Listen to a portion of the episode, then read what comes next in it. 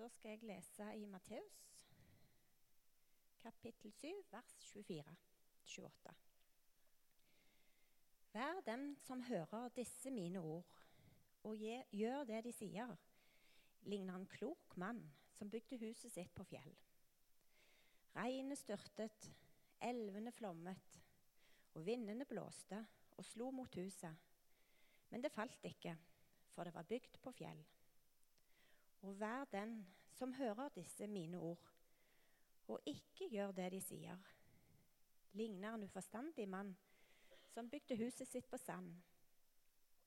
Regnet styrtet, elvene flommet, og vinden blåste og slo mot huset. Da falt det, og fallet var stort. Da Jesus hadde fullført denne talen, var folket slått av undring over hans lære.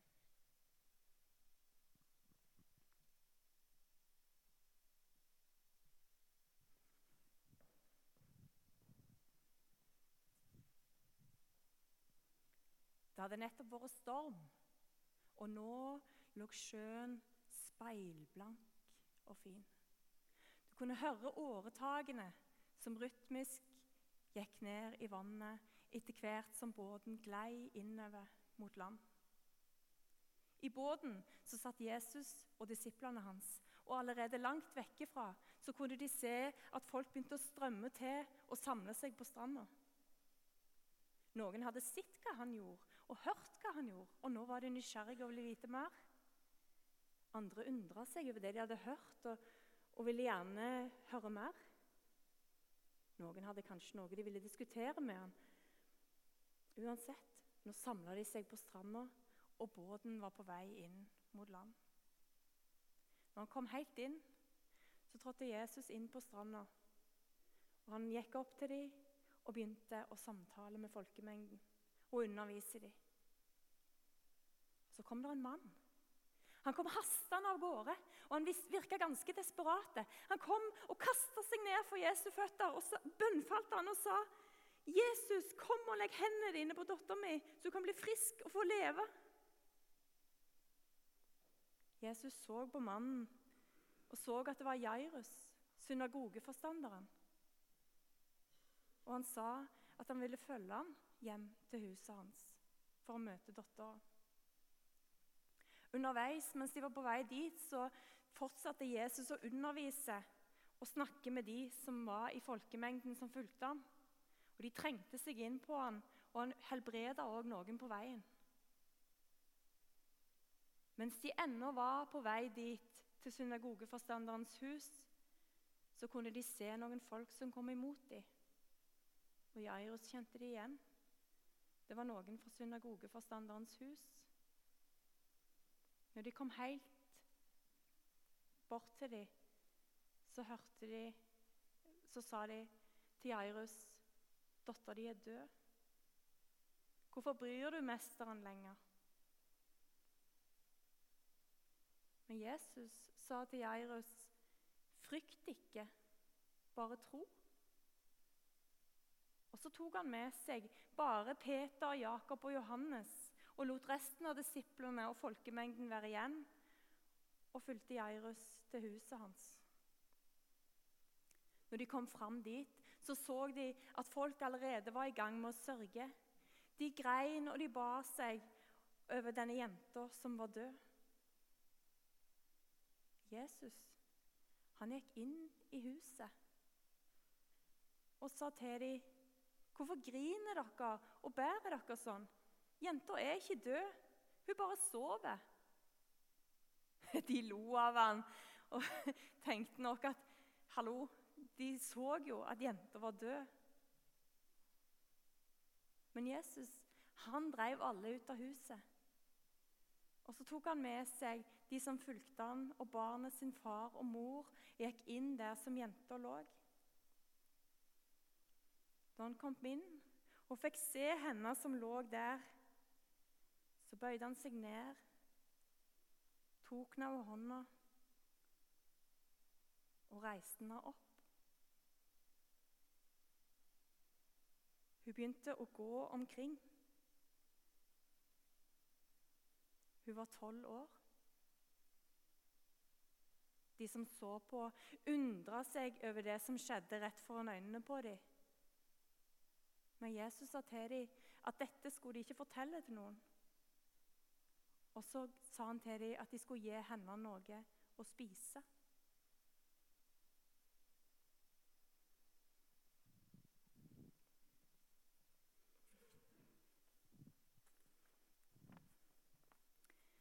Til alle tider så har folk fortalt bibelhistorier. De har blitt overlevert muntlig fra generasjon til generasjon.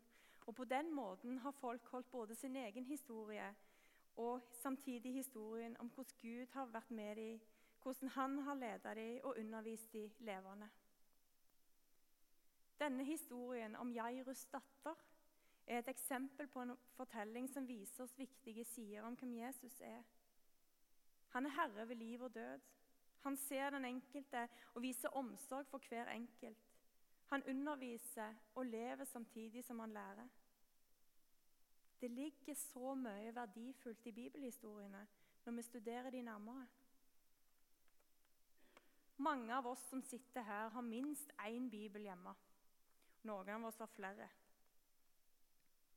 Og Vil vi slå opp noe når vi ikke har en bibel tilgjengelig, så har mange av oss en smarttelefon og kan slå opp på bibel.no og få fram bibelvers nesten hvor vi er hen. Har. Det er blitt lett å finne fram, og vi det stor, har det i stor grad med oss der vi går. Allikevel er det et tankekors at bibelhistoriene ikke nødvendigvis er så levende blant oss lenger. Spør du skoleunger, så er det ikke sikkert at de kjenner historien om Sakkeus, om Jesus og barna, eller husker innholdet i påskefortellingene. Det er ikke lenger skolen sin oppgave å drive med formidling av trosinnholdet i fortellingene. Det er vår oppgave som kirke. Og det er forskjell på å høre om påsken som en finurlig fortelling, eller å høre om påsken med vekt på hva det betyr for oss som troende. For å skjønne hva fortellingen har med tro å gjøre, så trenger vi å stoppe opp og studere Bibelen i lys av evangeliet. Hva sier det vi leser om Gud? Hva betyr det for meg i dag?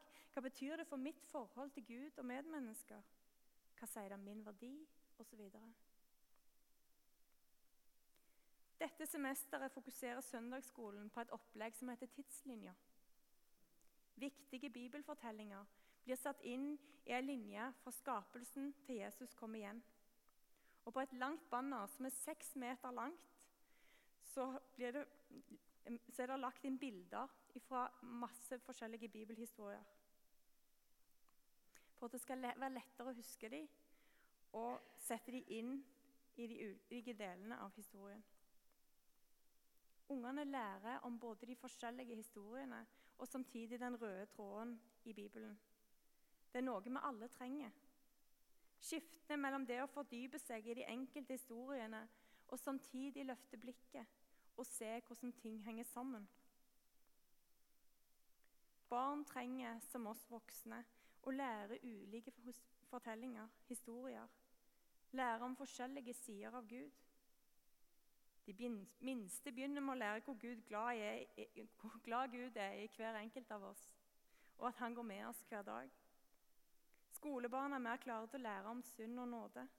Og de største barna reflekterer videre over tro, moral og etikk ut fra bibelhistoriene de leser og hører. Vi i menigheten inviterer ungene til ulike trosopplæringstiltak. Alt fra dåpssamling før dåpen til skattekistesamling for toåringer, sangsamling for treåringer, fireårsbokutdeling osv. For de skal høre og bli kjent med bibelhistoriene. Hver den som hører disse mine ord og gjør det de sier, ligner en klok mann som bygde huset sitt på fjell, står det i bibelteksten som ble lest i dag. Vi oppfordres til å både lese Bibelen og samtidig holde oss til det han sier.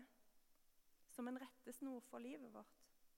For noe som får konsekvenser for måten vi lever livet vårt på. Denne lignelsen oppfordrer oss til å bygge livet vårt på trygg grunn, sånn at ikke, ikke noe kan rive oss vekk derifra. Det gjør vi gjennom å bli kjent med Gud og med Hans ord, gjennom å lese, høre og formidle bibelhistoriene. Jeg fikk meg en tankevekker her om dagen. Jeg hørte et foredrag med Inger Løvetann Krogh. Hun fortalte fra sin tøffe barndom og oppvekst, og samtidig fra da hun ble kjent med Jesus og ble en kristen. Hun forteller hvor overraska hun ble når hun kom inn i kristne miljøer og oppdaga at de ikke snakket om troen eller bibelfortellingene der. De snakket bare som alle andre om alt annet. Det ble en tankevekker for meg å høre. Er det sånn vi er, og sånn vi lever? Lever vi som om bibelfortellingene og relasjonen til Gud er så private at vi ikke får til å snakke om det? Hvordan skal nye mennesker bli kjent med Jesus om ikke vi snakker om han eller forteller bibelfortellingene? Hvordan lærer barn og ungdom om viktige høytider som påske, pinse og jul om vi ikke våger å formidle trosinnholdet i historiene?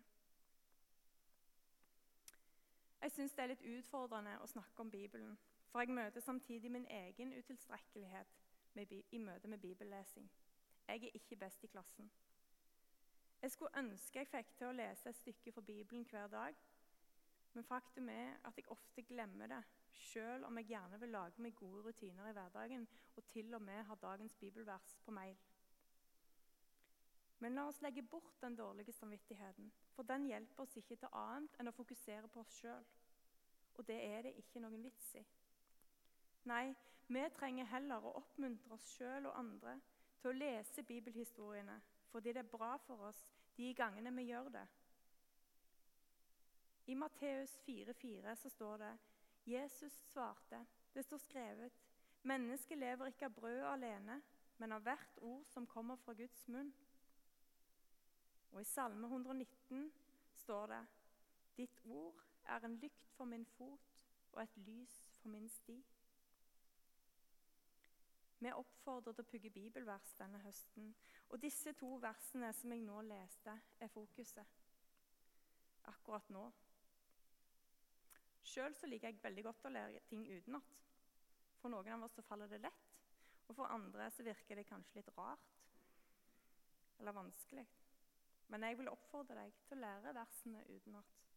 Du finner de i smågruppeopplegget under Tro i hjemmet.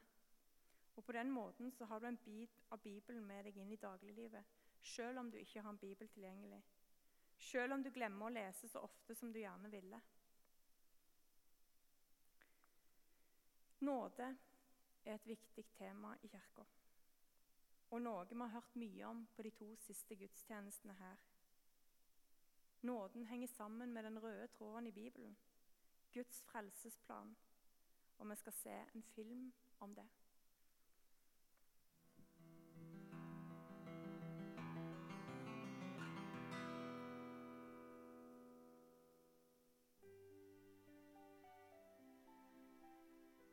I begynnelsen skapte Gud himmelen og jorden.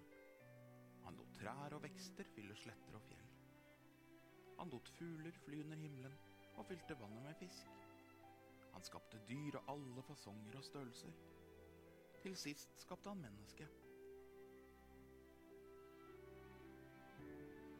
Han skapte dem til mann og kvinne og ga dem en gave og et oppdrag. Jeg gir dere denne kloden dere lever på. Ta godt vare på den. Menneskene hadde det godt i Edens hage, i paradis. Og Gud så at alt var blitt slik han hadde tenkt.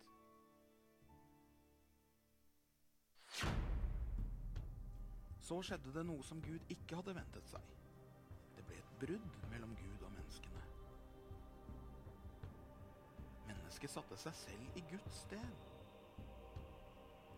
Paradiset ble til et minne, og menneskene gikk bort fra Gud. Veien tilbake til paradis var stengt.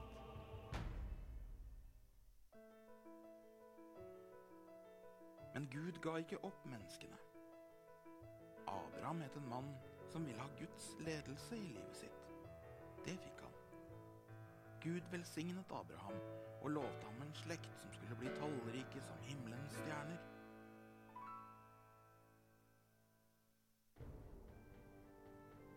Israelsfolket fikk en spesiell plass i historien om Gud og menneskeheten. På spesielt vis fikk israelittene se at Gud velsignet dem og hjalp dem når de vendte seg til ham. Var fanger i Egypt, sendte han dem Moses, som førte dem ut av fangenskap. Moses var også den som fikk de to steintavlene med de ti bud. Guds retningslinjer for alle menneskers liv. De tre første budene handler om vårt forhold til Gud. De syv neste om forholdet til medmenneskene våre. Gud kommuniserte med israelsfolket på mange måter. Profetene sto i en særstilling og formidlet meldinger direkte fra Gud. Profetene fikk folket både trøst og advarsler. Flere av profetene talte om Messias, frelseren som en dag skulle komme.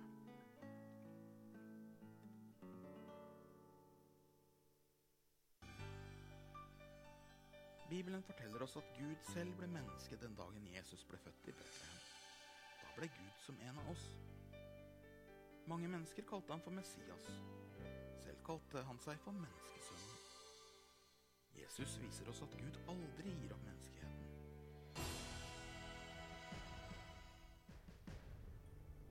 Ikke alle tok imot Jesus med glede. Han ble dømt og henrettet som en forbryter. Menneskene sier nei til Gud for andre gang, og Guds egen sønn ble lagt i den kalde graven.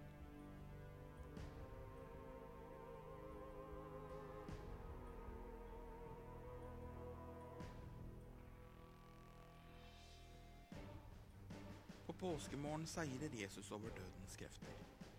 Jesus åpner en vei for menneskene. Veien tilbake til Gud.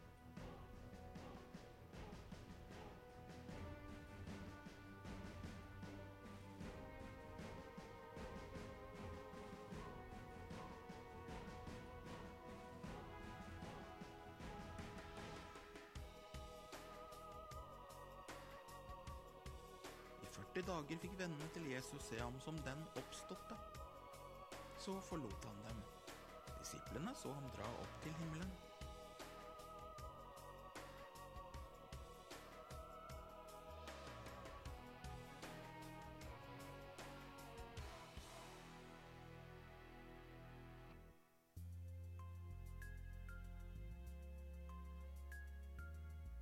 På pinsedagen kom Den hellige ånd til disiplene.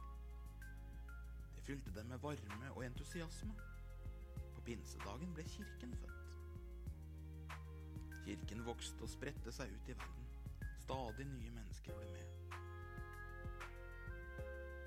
Den dag i dag er kirken en etterkommer av menigheten som ble til på pinsedagen. I kirken deles fellesskap om troen på Jesus og Guds gode tanker for menneskene.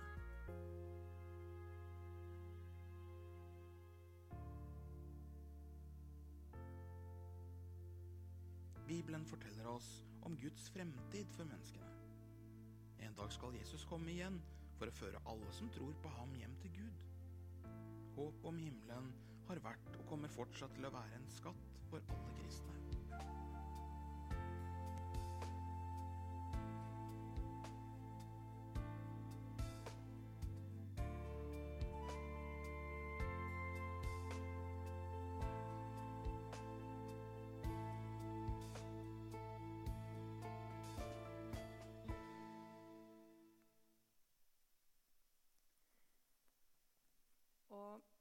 Cellegruppeopplegget denne, dette halvåret, det står i denne boka her, som heter 'Disippelrytmer', og som er en bok som Vidar Mæland Bakke, prest i bymenigheten, har skrevet. Eh, opplegget står bak. Og alle de som er nysgjerrige på hva smågruppeopplegget går i, som kanskje kunne tenke seg å være med i cellegruppa, eller som har lyst på boka, vi deler ut den eh, på infobordet bak etter gudstjenesten. Dere som er i cellegruppa, husk å få den med dere. Men det gjelder alle. Han er til alle.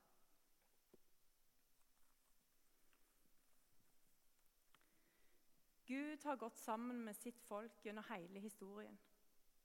Samtidig er det sånn at Gud fortsatt går sammen med oss inn i framtida. Han går sammen med Amalie inn i hennes framtid, og han går sammen med hver enkelt av oss inn i vår framtid. Hver dag så kan vi stole på at han er nær oss med sin omsorg og sin kjærlighet. Han går sammen med oss i det som møter oss, uansett, fram til vi en gang møtes igjen.